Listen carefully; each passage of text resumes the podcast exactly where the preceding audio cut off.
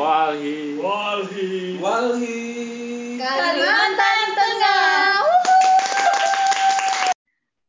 Kawan-kawan yang baik, um, terima kasih kepada Walhi Kalimantan Tengah dan uh, seluruh uh, peserta, baik yang hadir di uh, kanal Zoom maupun di uh, YouTube. Uh, pertama tentu saya menyampaikan terima kasih atas uh, kesempatan yang uh, telah diberikan untuk bisa bergabung dengan kawan-kawan muda di berbagai penjuru dunia dan termasuk di Indonesia yang saat ini menggagas Global Climate Strike, sebuah gerakan yang menyuarakan keadilan iklim bukan hanya keadilan untuk generasi eh, kita hari ini, tapi juga untuk generasi yang akan datang. Pertama, eh, saya ingin mengingatkan kepada kita semua bahwa eh, beberapa tahun yang lalu ada seorang anak remaja bernama Greta Thunberg. Dia aksi sendirian di depan kantor parlemen untuk menyuarakan agenda keadilan iklim, untuk menyuarakan apa yang hari ini terjadi pada seluruh makhluk bumi. Climate crisis, climate emergency. Greta yang sendirian setiap hari Jumat mogok sekolah, dia menyuarakan kritik yang sangat keras kepada para pemimpin dunia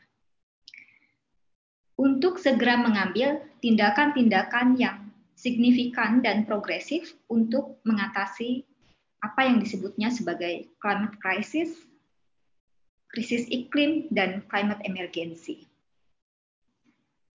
Apa yang telah dilakukan oleh Greta kemudian menginspirasi banyak anak-anak di seluruh dunia, di seluruh penjuri dunia, termasuk di Indonesia, untuk sama-sama turun ke jalan mogok sekolah setiap hari Jumat yang kemudian dikenal dengan gerakan Fridays for Future untuk secara terus-menerus menyuarakan persoalan krisis iklim, persoalan perubahan iklim yang hari ini kita sama-sama tahu begitu lambannya untuk ditangani oleh para pemimpin dunia. Greta pada satu kesempatan di UN secara tegas menyampaikan kritiknya kepada para pemimpin dunia atas pilihan ekonomi dan politik yang selama ini dijalankan oleh hampir seluruh pemimpin dunia. Dan Greta juga secara tegas telah menyatakan kegagalan kepemimpinan para pemimpin politik di dunia hari ini karena dianggap tidak cukup serius untuk menangani perubahan iklim menangani climate uh, crisis dan climate emergency yang memiliki dampak yang uh, berlapis khususnya bagi negara-negara miskin dan berkembang. Kritik yang disampaikan oleh Greta kemudian juga cukup menohok para pemimpin dunia karena Greta dengan tegasnya mengatakan kalian para pemimpin dunia telah terang-terangan mencuri merampas mimpi, harapan anak-anak di seluruh penjuru dunia karena e, tidak cukup melakukan tindakan-tindakan untuk mengatasi perubahan iklim, mengatasi climate crisis. Nah, gerakan ini yang kemudian masif ya, masif dilakukan e, oleh menjadi inspirasi oleh berbagai anak di penjuru dunia termasuk di Indonesia untuk menyuarakan hal yang sama gitu ya.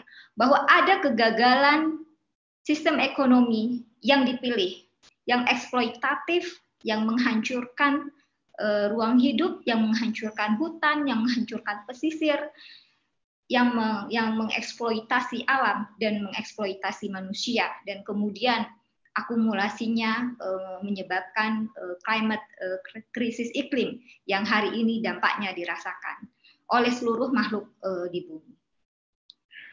Namun sayangnya apa yang terus dilakukan oleh anak-anak muda ini di seluruh penjuru dunia ternyata tetap membuat para pemimpin dunia tidak juga mengambil sikap untuk melihat kembali kebijakan yang dianggap salah atau gagal itu.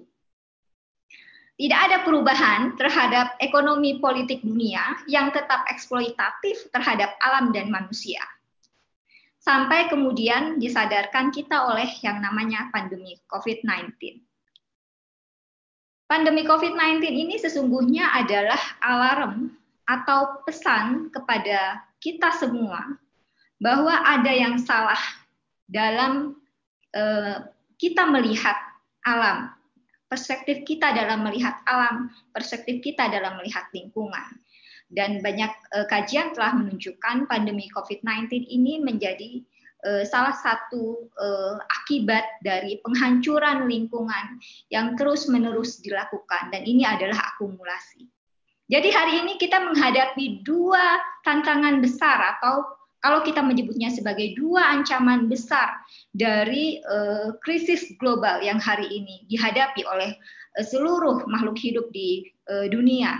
Yang pertama, kita berhadapan dengan krisis iklim yang tidak juga bisa diatasi, dan kemudian juga berhadapan dengan COVID-19. Dan tentu saja dampak turunannya akan semakin lebih masif terjadi. Kita juga akan dihadapkan oleh krisis pangan, krisis air, gitu. dan kemudian juga krisis ekonomi karena ternyata eh, paradigma growth atau paradigma eksploitatif yang kapitalistik ini sesungguhnya adalah satu sistem ekonomi yang rapuh. Nah, eh, ternyata tetap tetap eh, pandemi COVID-19 pun yang menurut kita harusnya menjadi alarm atau mengirimkan pesan agar negara pemimpin negara segera mengubah cara pandangnya terhadap alam dan mengubah sistem ekonominya ternyata tetap eh, hari ini tetap sama. Sebagai sebuah contoh, kalau kita mau merefleksikan ke Indonesia atau kita melihat apa yang terjadi di Indonesia eh, saat ini, penanganan krisis eh, pandemi COVID-19 gitu, dan kemudian juga krisis iklim, kita lihat ternyata selain tidak cukup serius dilakukan oleh pemerintah, hal yang lain adalah penanganannya business as usual. Ternyata pandemi COVID-19 ini tidak membuat atau tidak menjadikan pemerintah Indonesia itu kemudian mengerem gitu ya terhadap kebijakan-kebijakan pembangunan atau kebijakan ekonomi yang eksploitatif dan kapitalistik tadi. Tidak ada yang berubah, semua tetap berjalan sama. Pun kita sudah dihadapkan pada uh, berbagai uh, krisis, uh, krisis iklim dan kemudian uh, COVID-19. Pemerintah Indonesia dan parlemen, gitu ya, DPR RI tetap salah satunya tetap paradigma pembangunan dan ekonominya eksploitatif dan kapitalistik yang kita bisa lihat dari salah satunya regulasi yang akan dikeluarkan. Salah satu yang saat ini dipaksakan terus berjalan di tengah eh, krisis eh, pandemi COVID-19 adalah eh, RUU Omnibus Law Cipta Kerja, tapi kita menyebutnya, Walhi menyebutnya RUU Omnibus Law Cilaka. Ini sebenarnya membuktikan gitu ya bahwa e, krisis ternyata juga tidak membuat pemerintah itu kemudian berpikir untuk mengubah caranya yang salah atau bahkan e, caranya yang e, gagal. Gitu. RUU Omnibus Law e, Cilaka tetap e, digenjot untuk dibahas dan kemudian juga e, kabarnya akan segera disahkan. Nah, inilah yang um, harus menjadi perhatian serius dari kita semua dan gerakan uh, kita semua gitu ya. Uh, bukan hanya gerakan lingkungan, tapi seluruh gerakan elemen masyarakat sipil untuk bersatu padu um, menjegal omnibus law uh, cilaka ini disahkan. Mengapa kita? Mengapa anak muda? Mengapa kita? Mengapa seluruh elemen dari kekuatan masyarakat sipil harus bersatu padu mahasiswa, pemuda, ya, masyarakat adat, petani, nelayan, peladang, ya, dan seluruh komponen e, masyarakat untuk bersatu menjegal omnibus law uh, cilaka. Pertama yang uh, mesti kita ingat bahwa RUU ini adalah RUU yang sejak awal memang diniatkan untuk kepentingan investasi. Ya. Jadi yang atas namakan apa namanya untuk pemenuhan eh, kerja, lapangan kerja, sesungguhnya adalah untuk kepentingan investasi. Investasi selalu menganggap instrumen lingkungan hidup salah satunya sebagai hambatan dalam investasi. Selain soal tanah dan soal uh, buruh yang selalu dianggap menjadi hambatan bagi investasi. Gitu ya. Jadi jelas penegasan penolakan karena memang sejak awal ini bukan untuk kepentingan rakyat. Nah, kita harus menjegal karena RUU Omnibus Law uh, Cilaka ini yang pasti tentu saja dampak yang akan ditimbulkan kalau RUU ini disahkan. Apa antara lain? Yang pertama mengancam keselamatan hidup uh, rakyat. Uh, kenapa menjadi uh, penting untuk kita, bisa kita jegal secara bersama-sama?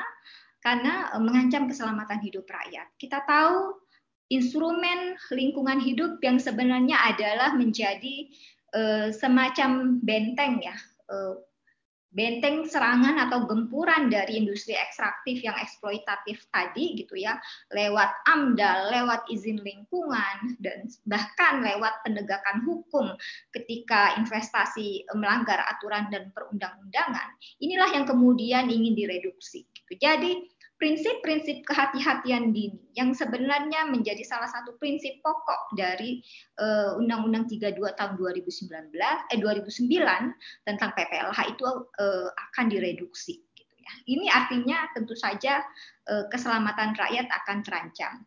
Kemudian juga penyingkiran ruang hidup. Kita tahu perizinan akan semakin besar justru diberikan kepada investasi antara lain perpanjangan HGU eh, yang bisa sampai 90 tahun. Padahal eh, kita tahu masyarakat eh, adat, masyarakat lokal yang hari ini berjuang mempertahankan ruang hidupnya dari ancaman industri monokultur seperti sawit dan kebun kayu atau hutan tanaman industri akan semakin menghadapi situasi yang berat. Karena pemerintah justru akan memperpanjang HGU eh, kepada korporasi yang bahkan umurnya itu bisa melampaui sampai rezim-rezim berikutnya karena sampai 90 tahun. Nah, ini yang eh, lainnya, RUU Omnibus Law Cilaka ini akan memperparah krisis iklim. Nah, ini yang hari ini eh, apa namanya kita suarakan di Global Climate Strike gitu ya, bahwa semua yang disampaikan oleh presiden di pidatonya ya komitmen uh, Paris Agreement yang uh, menyatakan komitmen pemerintah Indonesia untuk menurunkan emisi gitu terutama di uh, LULUCF dan kemudian di sektor energi yang angkanya besar 17 persen dan uh, 11 persen gitu ya yang disubmit sebagai emisi Indonesia itu tidak akan pernah bisa dipenuhi oleh pemerintah Indonesia kalau RUU Omnibus Law Cilaka ini disahkan.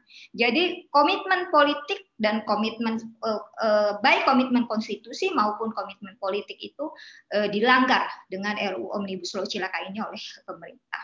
Yang terakhir saya ingin mengatakan bahwa satu pelanggaran konstitusi sudah secara jelas di eh, apa namanya terjadi di depan mata kita ketika pemerintah dan parlemen tetap ngotot untuk membahas RUU Omnibus Law Cilaka dan bahkan mengesahkan eh, RUU ini. Yang terakhir saya ingin mengatakan bahwa jika pemerintah dan parlemen tetap memaksakan untuk mengesahkan RUU Omnibus Law Cilaka ini, maka sesungguhnya negara dalam hal ini telah merancang upaya yang sistematis dalam penghancuran generasi yang akan datang. Bahwa ini adalah tindak, tindakan terencana negara dalam melakukan kejahatan terhadap generasi yang akan datang merampas hak hidup generasi yang akan datang, itu merampas hak hak e, generasi yang akan datang untuk memperoleh kesempatan e, dan kualitas hidup yang lebih baik itu e, terancam dengan RUU Omnibus Law Cilakai. Dan ketika ini adalah satu tindakan yang terencana dan sistematis, maka sebenarnya ini bisa kita sebut sebagai kejahatan ekosida. Kalau negara tidak mau dikatakan sebagai aktor ya penjahat dan melakukan tindakan kejahatan ekosida, maka negara harus segera me, apa namanya menghentikan pembahasan dan menarik RUU Omnibus Law Cilaka.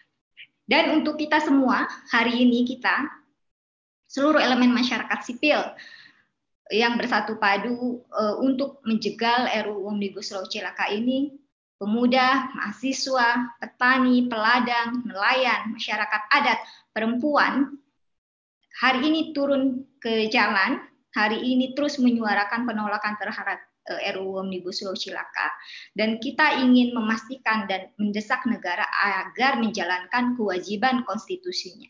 Karena kewajiban konstitusi itu ada di pundak negara untuk memastikan jaminan keselamatan hidup eh, generasi yang hari ini dan generasi yang akan datang. Eh, sebagai tanggung jawab negara, tentu saja itu harus dijalankan, dijalankan dan kita semua juga punya kewajiban untuk memaksa eh, itu dijalankan oleh negara. Konon katanya tidak ada negara yang baik. Yang ada adalah negara dipaksa untuk berlaku baik atau bertindak baik. Siapa yang bisa memaksa negara berbuat baik untuk melindungi, memenuhi, dan menghormati hak asasi manusia, hak atas lingkungan hidup. Sampai hari ini, yang bisa memaksa negara berbuat baik adalah kekuatan masyarakat sipil, kekuatan seluruh elemen rakyat yang terus berjuang, yang terus menggedor-gedor pintu baik istana, eh, parlemen di pusat maupun daerah gitu ya Eh, itulah yang bisa memaksa negara untuk berbuat baik.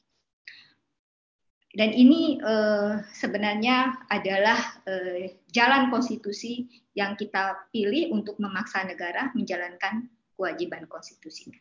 Untuk keadilan lingkungan, untuk pemenuhan terhadap hak asasi manusia, untuk generasi uh, hari ini dan generasi yang akan datang. Terima kasih Ayu untuk uh, kesempatannya dan kita semua jangan lelah ya, saling jaga, saling mendukung gerakan untuk menjegal Omnibus Law Cilaka. Mungkin itu dulu Ayu dari saya. Terima kasih. Selamat siang. Terima kasih Mbok.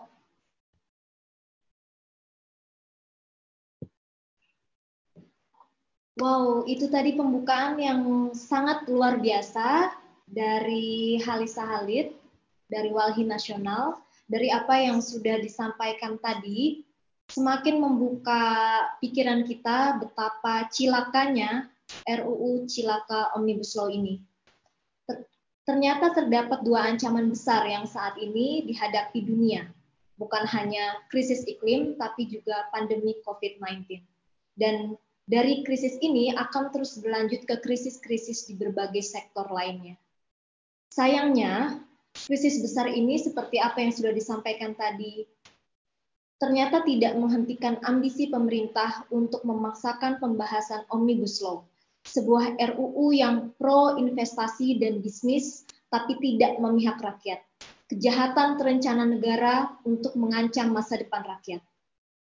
Kita harus menggagalkan pengesahan Omnibus Law oleh pemerintah dan DPR, selamatkan rakyat, lindungi lingkungan, gagalkan Omnibus Law. Itu hari ini yang kita suarakan ya, kawan-kawan. Dan kawan-kawan, pada 7 September 2020 yang lalu, Wahana Lingkungan Hidup Indonesia telah mengeluarkan data sebaran kasus konflik dan kriminalisasi selama pandemi virus corona COVID-19. Data tersebut menunjukkan setidaknya terdapat 18 kasus konflik dan kriminalisasi yang tersebar di 12 provinsi di Indonesia. Kasus-kasus tersebut terjadi dalam berbagai bentuk tindak kekerasan, seperti penangkapan paksa, pembubaran, pemukulan, penggusuran, pembakaran, penyemprotan racun hingga kriminalisasi yang bersumber dari konflik lingkungan dan sumber daya alam. Kasusnya sendiri tersebar dari Provinsi Kalimantan Tengah, Jambi, Bangka Belitung, Sumatera Utara, Yogyakarta, Riau, Jawa Timur, Nusa Tenggara Timur, Kalimantan Timur, Sulawesi Selatan, dan DKI Jakarta. Bahkan kemarin eh, ketika kawan-kawan sedang memperingati Hari Tani 2020, banyak dari kawan-kawan kita yang diintimidasi dan direpresi oleh aparat. Hari ini telah hadir beberapa kawan kita yang akan memberikan testimoni dan orasinya terkait dengan kasus dan konflik yang dihadapi oleh masyarakat di komunitasnya masing-masing. Saya persilahkan yang pertama dari Walhi Kalimantan Tengah, Dimas Novian Hartono selaku Direktur Eksekutif Walhi Kalimantan Tengah untuk memberikan testimoni dan berorasi terkait dengan kasus yang telah dihadapi oleh masyarakat di Kalimantan Tengah. Silahkan Bang Dimas. Baik, eh, terima kasih banyak Ayu.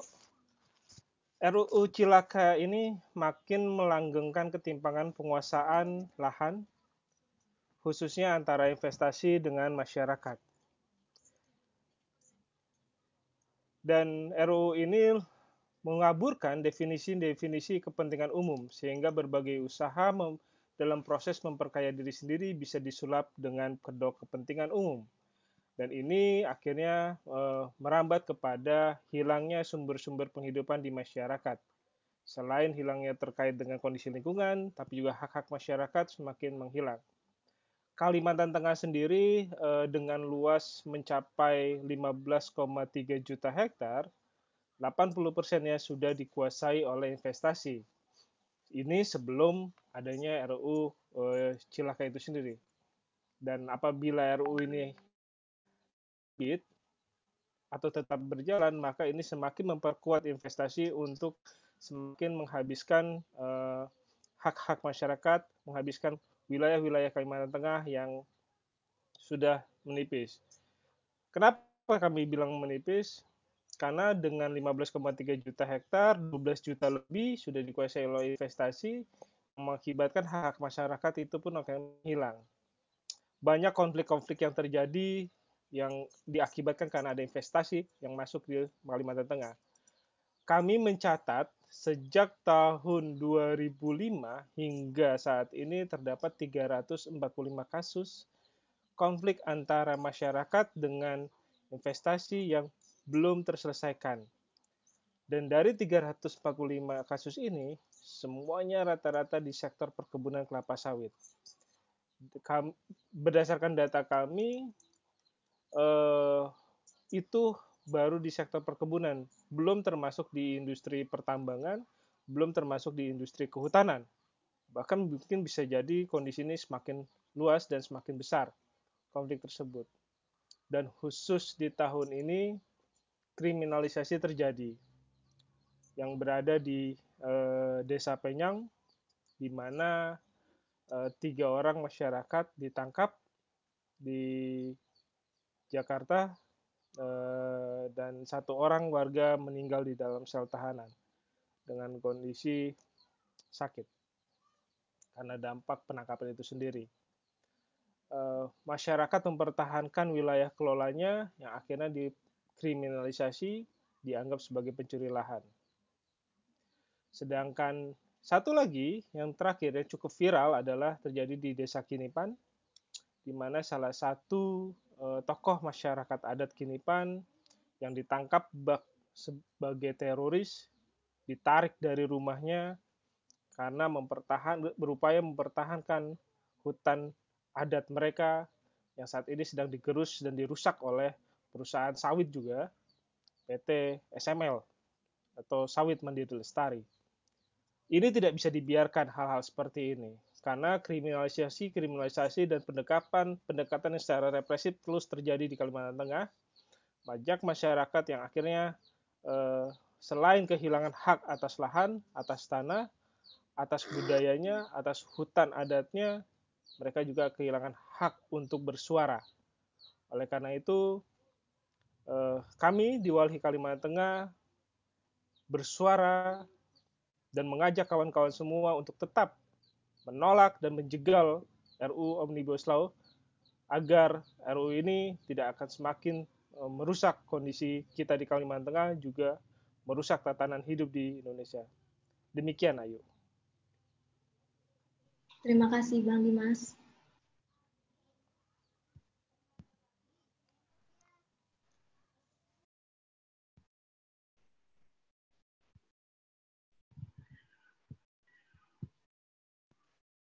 Sekali lagi, selamatkan rakyat, lindungi lingkungan, gagalkan Omnibus Law.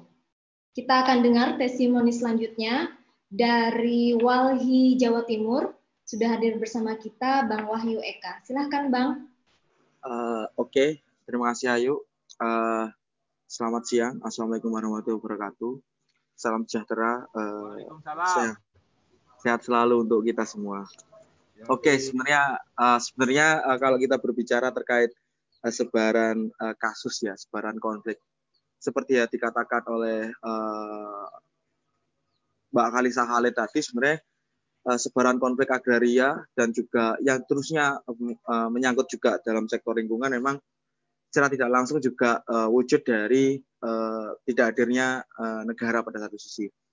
Dan uh, bukannya tidak hadir juga, tapi juga menjadi aktor. Ya, karena uh, pada satu sisi memang uh, peta politik kita memang uh, dikuasai oleh orang-orang yang uh, punya kepentingan baik uh, dalam kuasa uh, politiknya maupun kuasa uh, dalam uh, kelola sumber dayanya. Itu sudah ada beberapa uh, penelitian memang yang menyebutkan dan kita sudah melihat secara kasat mata bagaimana ijon politik itu menjadi nyata. Nah, salah satu wujud ijon politik itu sendiri yang seharusnya uh, menjadi cukup serius untuk dilihat dari uh, kerangka oposisi sipil khususnya dari masyarakat sipil, di mana masyarakat sipil pun hanya bergerak di sektor ekstra. Namun belum pernah ada uh, upaya untuk paling tidak menjadi penantang paling serius dalam kontes politik yang ada di sini. Namun kebanyakan kalau kita bicara pada siklus politik lima tahunan dan yang lainnya, kita hanya mendorong eh, calon-calon yang memang pada satu sisi punya kultur dalam konteks politik wali, tapi masuk pada eh, partai-partai konservatif. Uh, itu sama saja, artinya tidak ada perubahan yang cukup signifikan. Nah, dari catatan itu kita melihat bahwasanya partai-partai konservatif yang ada sekarang itu telah menetapkan satu rancangan undang-undang yang cukup berbahaya, yaitu Omnibus Bill, ataupun kalau kita bicara terkenal dengan Omnibus Law uh, RUU Cipta Kerja. Nah, RUU Cipta Kerja ini sendiri uh, secara konseptual memang pada satu sisi akan menjadi ancaman bagi lingkungan hidup khususnya dan juga sumber-sumber agraria karena lingkungan hidup juga masuk dalam konteks sumber-sumber agraria. Karena apa? Karena uh, pada satu sisi juga akan memperluas definisi pengadaan tanah untuk kepentingan negara. Salah satunya di sana ada untuk uh, pertamba, uh, untuk pertambangan, terus ada untuk panas bumi dan bahkan untuk kawasan uh, pertahanan dan juga untuk infrastruktur penunjang. Nah, ini menjadi berbahaya karena apa? Karena akan mengancam uh, banyak ruang hidup rakyat. Kita melihat banyak sekali kawasan-kawasan digunakan untuk industri di situ, baik untuk pertambangan maupun untuk uh, industri kelapa sawit dan belum uh, untuk tentara industri telah memakan banyak korban. Salah satunya penguatan di dalam Omnibus Law itu sendiri ada di konteks pertambangan panas bumi. Nah, di konteks panas bumi lah. Di panas bumi itu sendiri kita melihat uh, pada klaster uh, khususnya panas bumi ada satu satu uh, salah satu poin di pasal 73 khususnya ia mengatakan bahwasanya setiap orang yang menghalangi setiap usaha untuk pembangunan ataupun produksi panas bumi akan dikenai uh, jatuh uh, hukuman pidana. Pada satu sisi itu juga akan memper, memper, mempertajam kriminalisasi yang harus dihadapi oleh masyarakat. Di Jawa Timur sendiri sudah ada beberapa titik uh, panas bumi. Salah satunya ada di uh, Batu di kawasan Gunungan Arjuno Welirang di kawasan Malang Raya. Belum lagi di kawasan lainnya. Dan ini potensi kriminalisasi akan semakin tinggi.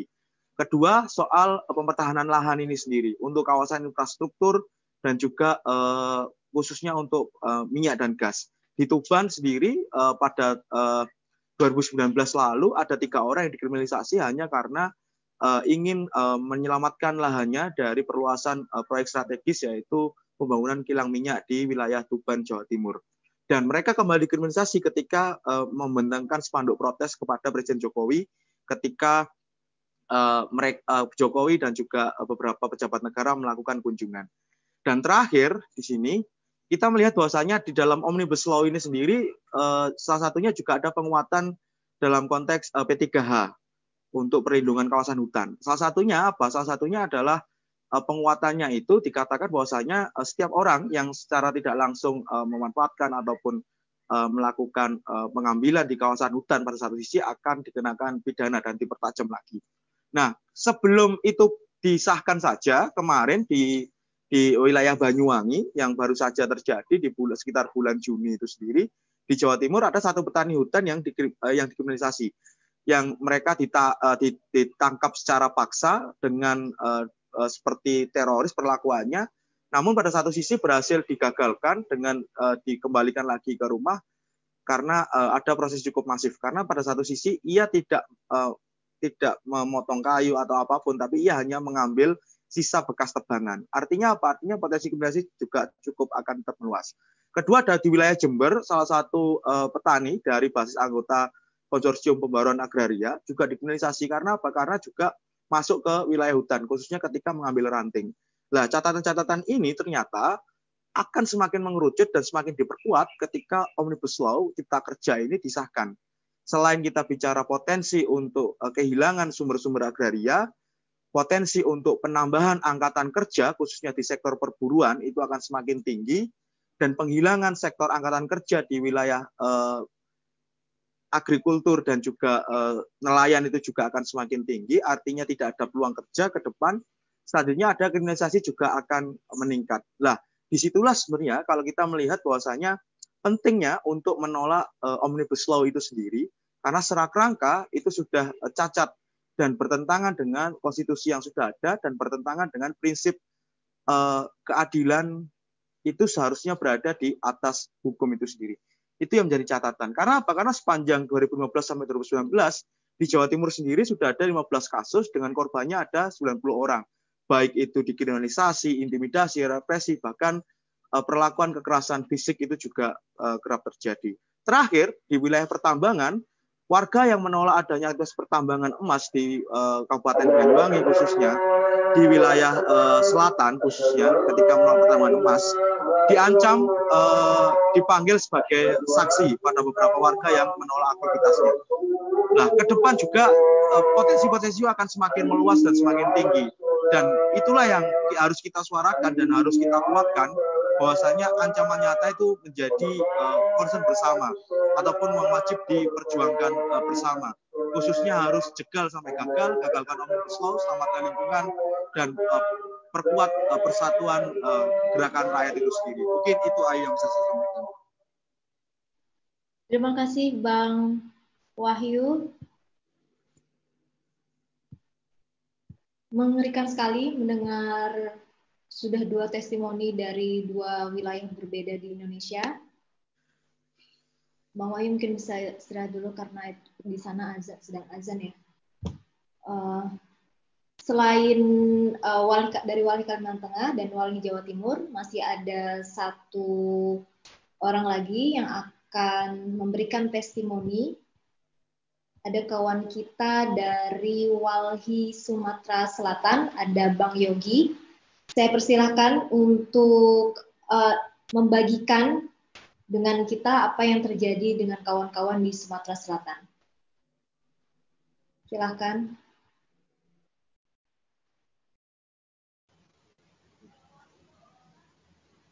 Terima kasih Mbak Ayu.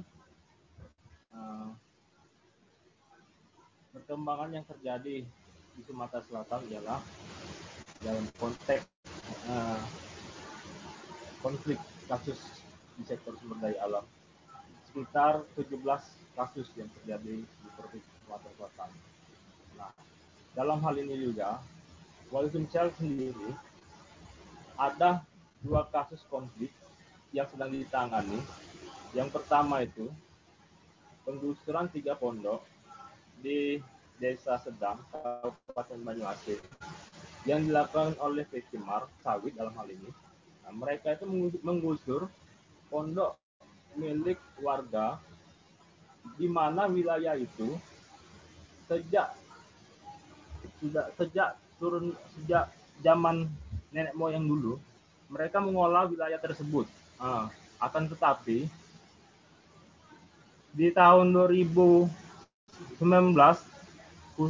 di tahun 2019 khususnya masa Covid kemarin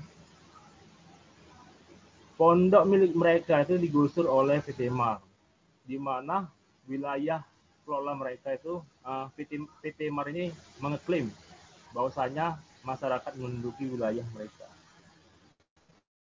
sehingga ada beberapa perlakuan-perlakuan yang memang tidak sewajarnya dilakukan oleh baik itu dari pihak keamanan maupun keamanan dalam dalam hal ini juga pihak keamanan TNI terlibat.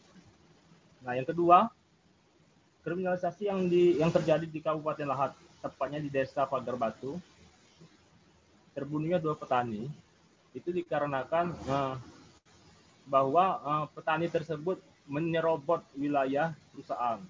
Akan tetapi informasi yang kita dapat bahwasanya HGU perusahaan itu tersebut sudah habis sehingga masyarakat uh, mulai melakukan pengolahan di wilayah itu.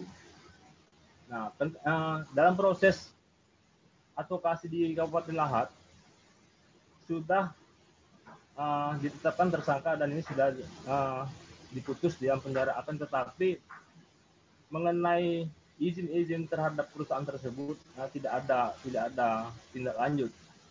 Bahkan uh, bupati berstatement akan membawa membawa kasus ini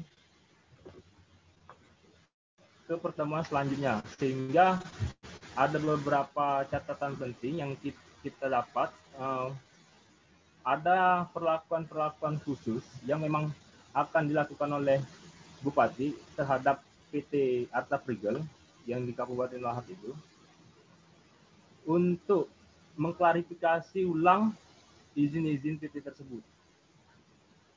Nah, mengenai konteks Omnibus Law sendiri, apa yang sudah disampaikan oleh Mbak Pak Alin, Pak Alin, kami mendapat informasi nih di sekretariat hari ini juga, 7 jam yang lalu, mengenai Omnibus Law bahwasanya uh, omnibus law ini kalau kita melihat dari dari dari media online itu di konteks ketenaga kerjaan yang belum saklek. Kalau untuk beberapa konteks-konteks tadi yang, yang sudah dijelaskan oleh Mas Wahyu tadi itu sudah. Nah itu yang pertama. Yang kedua kita mendapat informasi dua jam yang lalu dari orang dalam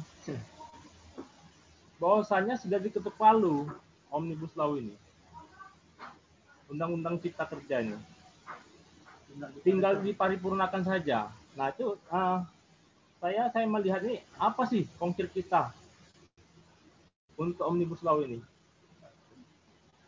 Ke depannya. Masa kita hanya melakukan kampanye terus tapi tidak ada ini kan? Upaya-upaya lain. Jadi sia-sia apa yang sudah kita lakukan baik uh, dilakukan oleh teman-teman di eksekutif daerah maupun di ini kan beberapa komunitas-komunitas lain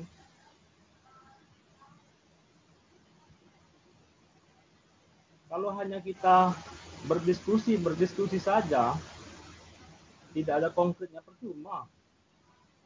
Barang tetap jalan.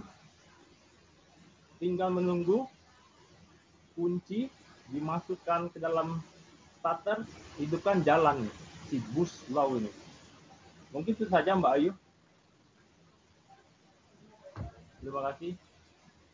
Terima kasih Bang Yogi.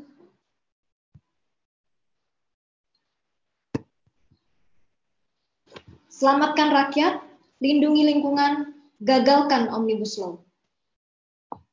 Seperti yang disampaikan oleh Bang Yogi tadi, kita harus suarakan lebih keras. Kita harus bisa uh, bertindak lebih keras lagi. Karena memang saat ini pembahasan RUU Omnibus Law telah memasuki babak akhir dari informasi yang kami dapatkan, daftar inventarisasi masalah yang jumlahnya mencapai 8.000 itu kini hanya tersisa sekitar 5% materi saja yang belum dibahas. Maka dari itu lebih mendesak lagi urgensinya bagi masyarakat untuk menggagalkan pengesahan Omnibus Law. Ternyata pandemi COVID-19 sama sekali tidak menghentikan intimidasi ataupun kriminalisasi terhadap masyarakat. Masyarakat tetap harus berhadapan dengan ancaman dalam upaya mempertahankan dan memperjuangkan hak-haknya. Berbagai pelanggaran terhadap hak asasi manusia dan lingkungan terus terjadi di saat setiap sendi-sendi kehidupan rakyat harus lumpuh terdampak oleh pandemi. Selain kawan-kawan yang secara langsung tadi memberikan testimoni, kami juga telah mendapatkan beberapa kiriman dari kawan-kawan lainnya karena seperti yang kita ketahui terdapat setidaknya 18 kasus yang sudah diinventarisasi oleh Walhi. Tadi kita sudah mendengar dari Walhi Kalimantan Tengah, Walhi Jawa Timur, dan Walhi Sumatera Selatan.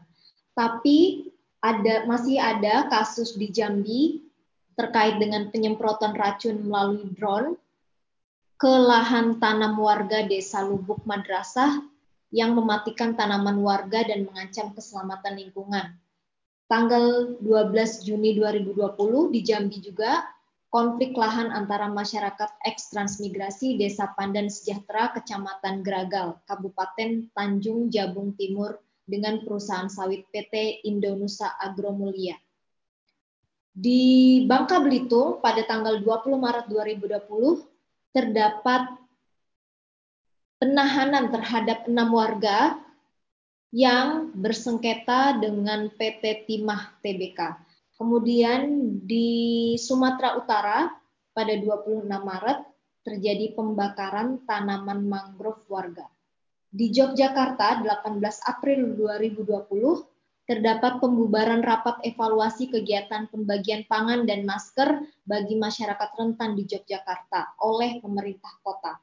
Kemudian di Riau 18 Mei 2020 Majelis Hakim PN Bengkalis menghukum warga karena menebang akasia eukaliptus di PT Arara Abadi. Kemudian di Nusa Tenggara Timur 18 Agustus 2020 terdapat tindak penggusuran rumah dan disertai tindak kekerasan terhadap masyarakat adat Pubabu, Besipae oleh aparat dan pemerintah Provinsi NTT. Akibatnya 29 kakak hilang tempat tinggal dan satu anak masyarakat adat diskorsing dari sekolah. Kemudian 7 September terjadi penahanan atas sangkaan melakukan pengeroyokan dan pengerusakan barang milik PT Muria Sumba Manis masih di Nusa Tenggara Timur. Dan di Jakarta juga pada tanggal 23 Juli 2020 terjadi penggeledahan rumah dan diri Zenzi Suhadi, pengkampanye Wali Nasional oleh petugas kepolisian dengan sangkaan penyalahgunaan narkoba namun tidak terbukti. Di Kalimantan Timur, 29 sampai 31 Juli terjadi penjemputan paksa terhadap tiga orang, yakni Yonaha Tiko, Direktur ED Walhi Kaltim, Fathul Huda dan Bernard Marbun, Advokat Publik LBH Samarinda oleh petugas kesehatan yang alasannya untuk swab test di RSUD. Kemudian di Sulawesi Selatan, 14 Agustus 2020 terjadi penjemputan paksa juga tanpa alasan yang jelas terhadap Mandre nelayan Pulau Kodingareng, salah satu nelayan yang berjuang untuk melawan pertambangan pasir laut oleh PT Royal Boskalis. 12 September di Sulawesi Selatan juga terjadi penghadangan dan kekerasan, pengerusakan dan pemukulan kepada 11 orang yang uh, melakukan yang mengusir kapal milik PT Royal Boskalis.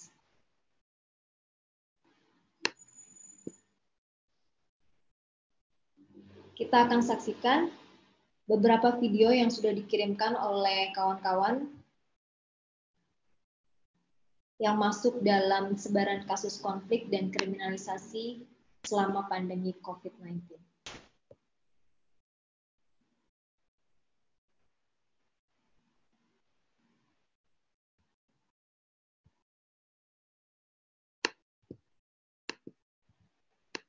Jadi terus suarakan, lindungi rakyat, selamatkan lingkungan, dan ayo kita gagalkan pengesahan Omnibus Law RUU Cilaka.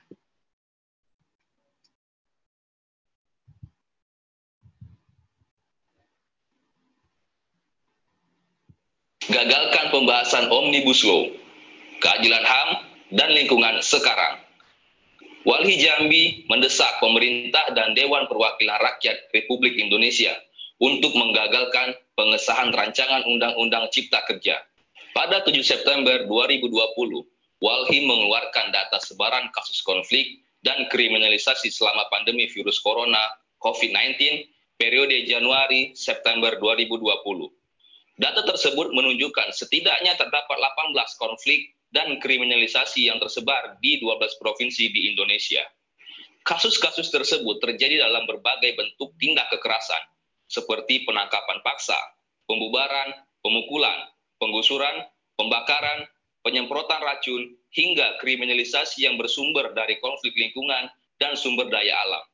Kasusnya sendiri tersebar dari Provinsi Kalimantan Tengah, Provinsi Jambi, Provinsi Bangka Belitung, Provinsi Sumatera Utara, Provinsi Yogyakarta, Provinsi Riau, Provinsi Jawa Timur, Provinsi Nusa Tenggara Timur, Provinsi Kalimantan Timur, Provinsi Sulawesi Selatan, dan Provinsi DKI Jakarta. Ternyata pandemi COVID-19 tidak menghentikan intimidasi dan kriminalisasi terhadap masyarakat. Masyarakat tetap harus berhadapan dengan ancaman dalam upaya mempertahankan dan memperjuangkan hak-haknya. Berbagai pelanggaran terhadap hak asasi manusia dan lingkungan terus terjadi di saat-saat sendi-sendi kehidupan rakyat harus lumpuh terdampak pandemi. Tidak hanya menghadapi pandemi, intimidasi, dan kriminalisasi, masyarakat juga semakin terancam dengan rancangan Undang-Undang RUU Cipta Kerja Omnibus Law. RUU Sapu Jagat yang kontroversial ini, pembahasannya terus dikebut dan rencananya akan diselesaikan pada September 2020. Penegakan hak azazi manusia dan perlindungan lingkungan berpotensi akan semakin memburuk dengan penghapusan dan pelemahan yang disebabkan oleh revisi dalam Omnibus Law. RUU Omnibus Law ini akan berakibat pada kekerasan aparat, pengekangan hak rakyat, perampasan tanah rakyat, menciptakan buruh murah dengan upah murah, banjir produk pangan impor, penguasaan sektor industri oleh swasta, penggusuran, polusi, kerusakan lingkungan, bencana ekologis, dan pengungsian. Pasalnya RUU yang memuat penyederhanaan 17 undang-undang dengan 15 bab dan 174 pasal ini menyasar penyederhanaan perizinan, persyaratan investasi, ketenaga kerjaan, kemudahan, pemberdayaan, dan perlindungan UMKM, kemudahan berusaha, dukungan riset dan inovasi, administrasi pemerintahan, pengenaan sanksi, pengadaan lahan, investasi dan proyek pemerintah hingga kawasan ekonomi. RUU ini bahkan telah bermasalah dari sejak penyusunannya yang tidak transparan, tanpa akses publik dan minim partisipasi masyarakat. Hingga dalam proses pembahasannya dilakukan secara tergesa-gesa dan dipaksakan meski di tengah situasi pandemi. Karena mengatur banyak sektor sekaligus, Omnibus Law justru berpotensi menyebabkan kerugian bagi rakyat dari berbagai kelompok maupun negara itu sendiri. Pembahasan RUU Omnibus Law ini harus dihentikan sekarang. RUU ini harus digagalkan pengesahannya karena tidak menampung suara rakyat yang hak-haknya terus dirampas dan diinjak-injak. Situasi yang lebih buruk justru akan ditimbulkan dari pengesahan Omnibus Law yang tidak memihak kepentingan rakyat, namun justru korporasi-korporasi besar. Kita membutuhkan perlindungan terhadap rakyat, lingkungan, serta pejuang hak azazi manusia dan lingkungan. Kita tidak bisa bergantung pada janji-janji pemerintah untuk memastikan penegakan hak azazi manusia dan perlindungan lingkungan dari sejumlah kasus kekerasan yang dialami oleh masyarakat telah memperlihatkan bagaimana negara abai dalam memenuhi tanggung jawabnya untuk mengakui, menjunjung tinggi, memenuhi, dan melindungi hak-hak rakyat. Dalam semangat memperingati Hari Tani dan Global Climate Strike 2020, Walhi Kalimantan Tengah menggelar aksi virtual jegal Omnibus Law. Dengan seruan keras, kami memanggil pemuda-pemudi, laki-laki, dan perempuan, masyarakat adat, peladang, petani, nelayan, buruh, mahasiswa, aktivis, kelompok minoritas keyakinan, gender, dan seksualitas, khususnya rakyat Kalimantan Tengah, turut menuntut pemerintah dan DPR RI untuk mendengarkan suara rakyat dan menghentikan pengesahan RUU Omnibus Law. Tidak ada jalan lain untuk melindungi rakyat dan lingkungan di Indonesia selain menggagalkan pengesahan RUU Omnibus Law. Mari bersatu melawan kesewenang-wenangan para penguasa, jegal sampai gagal. Gagalkan Omnibus Law, jangan diam, suarakan, jangan takut, lawan, salam adil dan lestari. Gagalkan pengesahan Omnibus. Omnibus Law Cipta Kerja ini, eh, bagaimana dia mempercepat yang namanya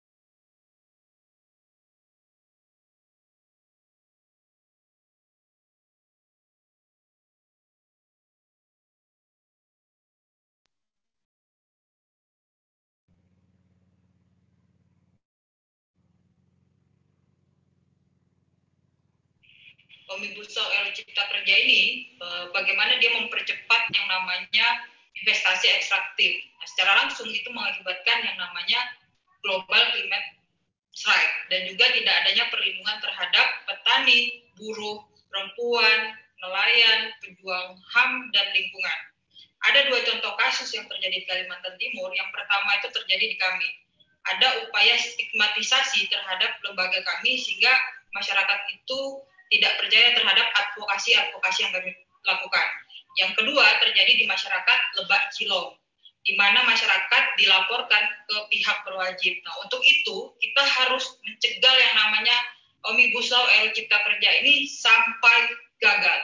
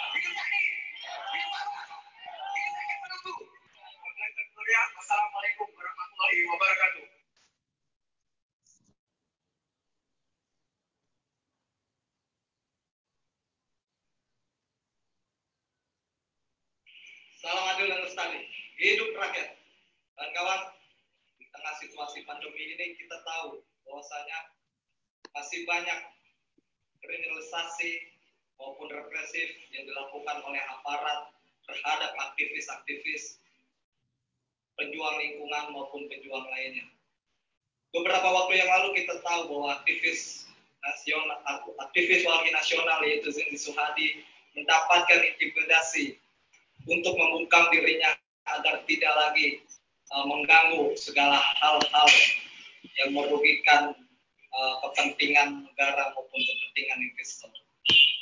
Kita tahu tidak hanya uh, Zenzi Suhadi saja yang mendapatkan intimidasi maupun kriminalisasi atas perjuangannya, atas advokasinya yang dilakukan.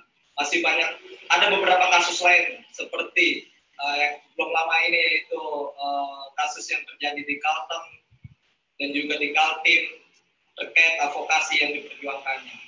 Di tengah ancaman kondisi krisis ekologis kita saat ini, uh, RUU Omnibus Law masih tetap dibahas walaupun di tengah situasi pandemi yang sangat membahayakan keselamatan maupun kesehatan rakyat itu sendiri. Dan itu membuktikan bahwa pemerintah sangat abai terhadap kesehatan dan keselamatan rakyatnya itu sendiri.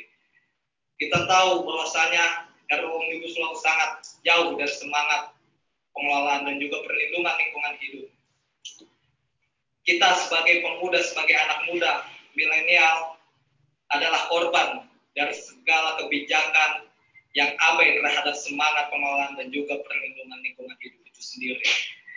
Oleh sebab itu kawan-kawan, dengan muatan RUU, muatan yang sangat kapitalistik terhadap isi RUU Omnibus Law ini, mari kita sama-sama menjahit, merangkul, memperkuat konsolidasi kita untuk menjegal Omnibus Law itu sendiri. Pulihkan Indonesia, jegal Omnibus Law, jegal sampai gagal. Salam adil lestari, hidup rakyat.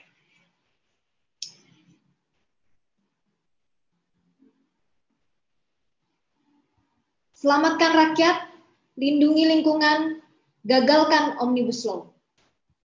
Kita setelah mendengar tadi beberapa testimoni dan juga uh, orasi dari kawan-kawan, baik itu secara langsung dan juga melalui kiriman video.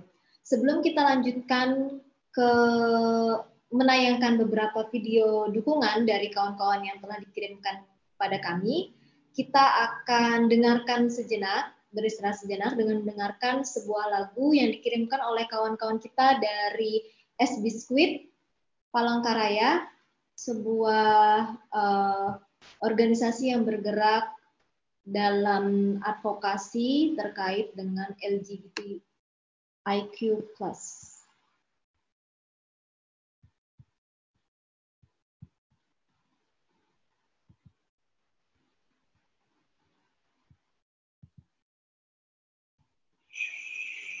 Buruh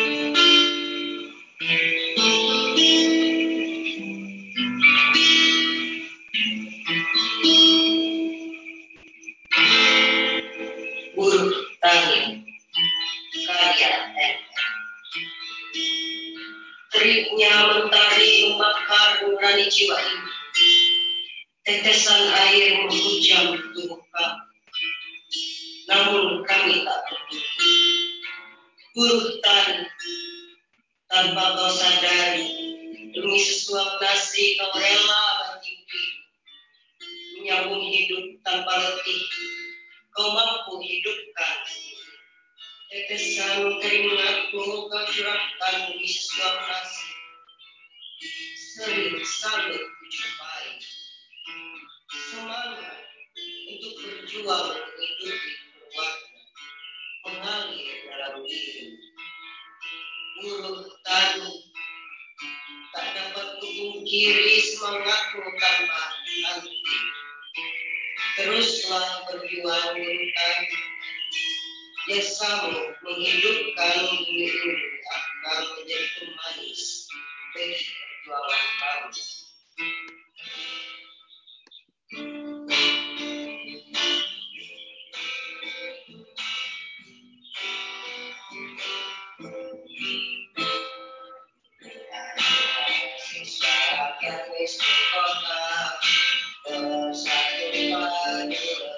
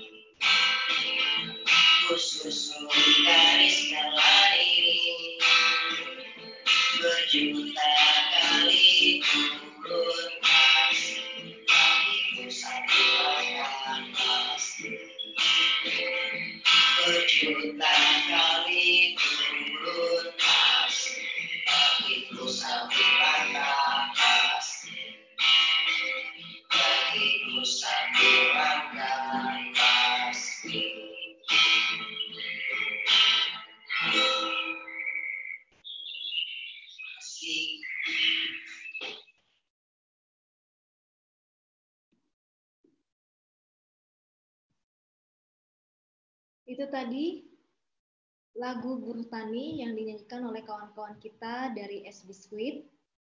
Berikutnya saya akan menayangkan beberapa video da dukungan dari kawan-kawan dukungan terhadap aksi jegal Omnibus Law dalam peringatan Global Climate Strike hari ini.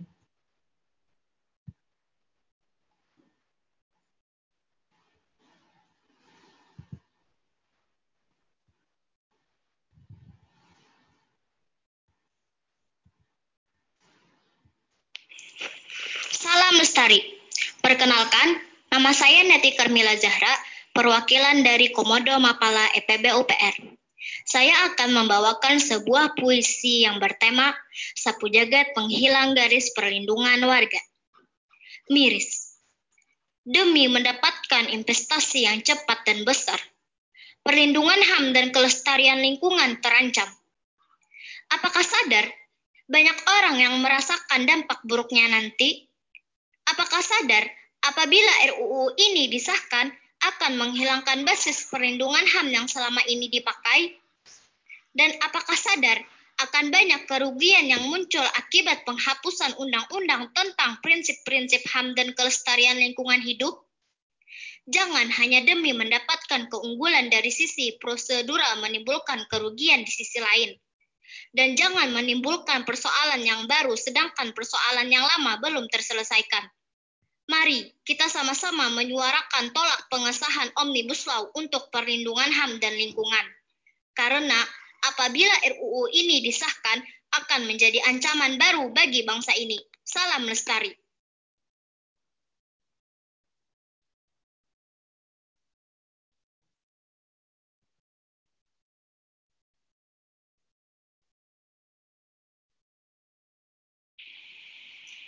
Di tengah pandemi COVID-19. rakyat mengalami keterpurukan dan penindasan yang berkali lipat. Karena di negara ini yang telah dikuasai secara besar-besaran oleh korporasi besar dan masih tergantung pada ekspor komoditas baik pertanian maupun industri kaum tani menderita karena penurunan harga komoditas pertanian dan peningkatan drastis dari harga kebutuhan pokok serta input produksi pertanian, perikanan dan peternakan. Tidak hanya itu, tetapi mereka juga telah dirampas lahannya oleh korporasi besar, baik sawit, KPH maupun tambang. Masyarakat adat juga mengalami hal yang sama. Mereka terus kehilangan tanah urayanya, hutannya, karena telah dialihfungsikan menjadi korporasi besar, terutama perkebunan sawit. Banyak terjadi PHK massal terhadap buruh dan bagi buruh yang tetap bekerja di tengah pandemi, terpaksa menerima kompensasi upah yang cukup rendah di Kalimantan Tengah untuk menjaga keberlangsungan ekspor barang dagang yang diperlukan oleh negeri industrial kapitalis. Perempuan mendapat tambahan beban karena pemasukan keluarga menurun, sedangkan sumber daya alam yang biasanya dapat mencukupi kebutuhan dasar mereka telah beralih menjadi perkebunan sawit. Mereka harus dihadapkan dengan kebutuhan pokok yang menjulang tinggi. Perjuangan perjuangan atas penderitaan yang dirasakan oleh rakyat melalui perjuangan atas tanah, perjuangan atas upah, perjuangan atas perbaikan kondisi hidup, terus-menerus dihadapkan dengan kriminalisasi dan intimidasi oleh aparat negara penderitaan ini semakin berlipat karena pemerintah bersikukuh untuk membuat kebijakan yang tidak berpihak kepada rakyat. Baik itu Undang-Undang Minerba, RUU Pertanahan, dan Omnibus Law, di mana semua kebijakan ini justru tidak menguntungkan rakyat dan hanya menguntungkan korporasi besar dan segelintir orang. Bahkan pemerintah tetap bersikeras untuk menjalankan dan mempercepat program food estate di Kalimantan Tengah, meskipun banyak rakyat yang menolak. Masih teringat jelas di ingatan kita musibah asap yang harus kita alami hampir setiap tahun karena pembukaan satu juta hektar lahan gambut dan pembukaan lahan secara besar-besaran yang dilakukan oleh perkebunan sawit, terutama di tahun 2000, 2015, dan 2019. Saat ini pun rakyat harus dihadapkan dengan derita bencana banjir di enam kabupaten di Lamandau, Seruyan, Kota Waringin Timur, Gunung Mas, Katingan, dan Kapuas. Karena sudah tidak ada lagi hutan penyangga. Dan di kabupaten-kabupaten ini, korporasi justru semakin memperluas areanya dan menghancurkan hutan serta lahan milik rakyat. Maka dari itu kami meminta kepada pemerintah untuk segera menangani korban banjir di kabupaten tersebut, mengembalikan lahan dan hutan milik rakyat, menghentikan segala bentuk intimidasi terhadap rakyat yang memperjuangkan haknya, dan membebaskan rakyat yang telah dikriminalisasi karena memperjuangkan haknya, mencabut izin perusahaan yang melanggar aturan, menghentikan pengesahan undang-undang yang tidak berpihak kepada rakyat, selamatkan korban banjir, kembalikan lahan masyarakat, jalankan reforma agraria. Hidup rakyat.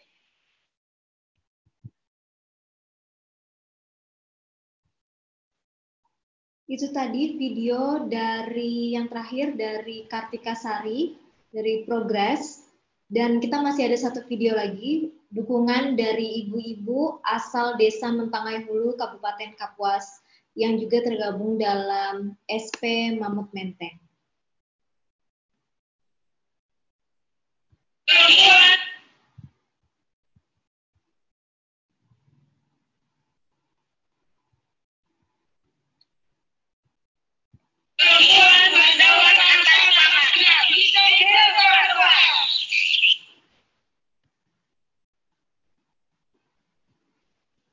Meski videonya sangat singkat, tapi kita uh, bisa mendengar semangat dari ibu-ibu ini yang hendak pergi berladang.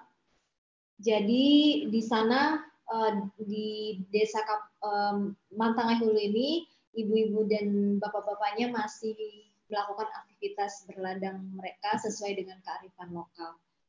Dan inilah yang harus kita lindungi dengan menggagalkan Omnibus Law.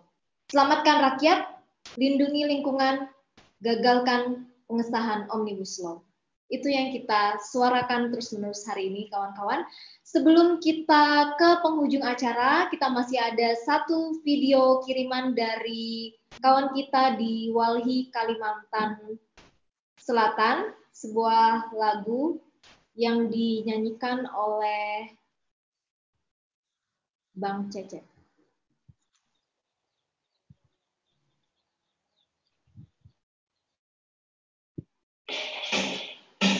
Mm-hmm.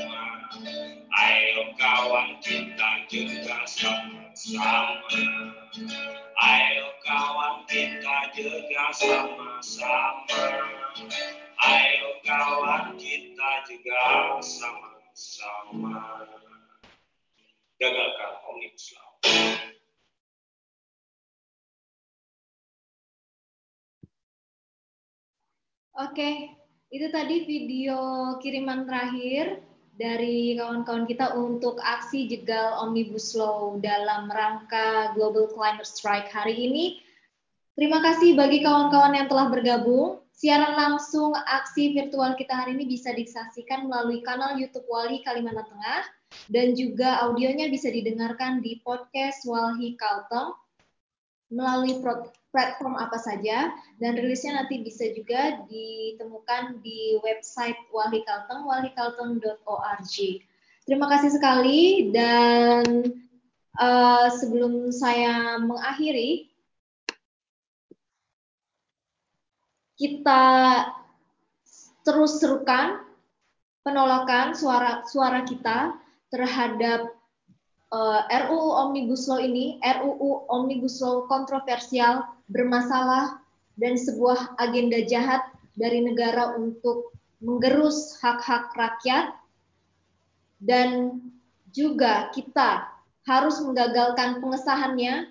Mari kita suarakan di lewat media sosial kita, lewat eh, upaya-upaya uh, berbagai macam upaya yang bisa kita lakukan kita tuntut pemerintah dan DPR RI untuk mendengarkan suara rakyat dan menghentikan pengesahan RUU Omnibus Law yang kelihatannya sebentar lagi memang sudah akan mencapai final dan akan disahkan.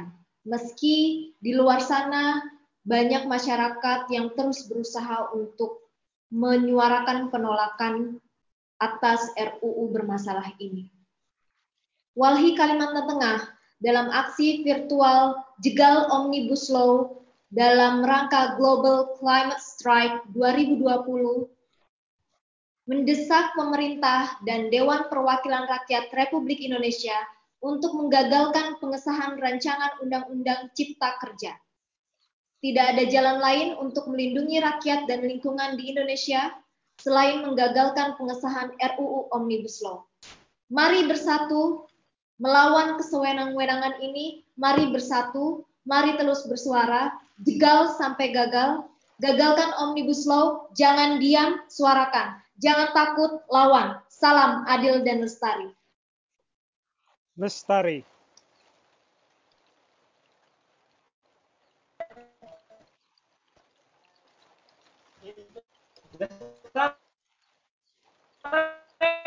Lestari.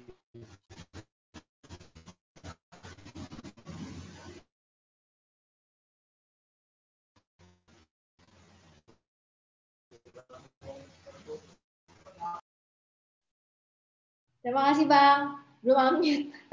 Di unmute dulu. Iya, sama-sama Mbak Ayu. Belum pernah kita ketemu ya Bang? Iya, siap. Salam buat kawan-kawan di Wali Kalteng. Ya, salam buat kawan-kawan di Sumsel juga. Terima kasih. Sampai iya, jumpa. Ya, terima salamnya.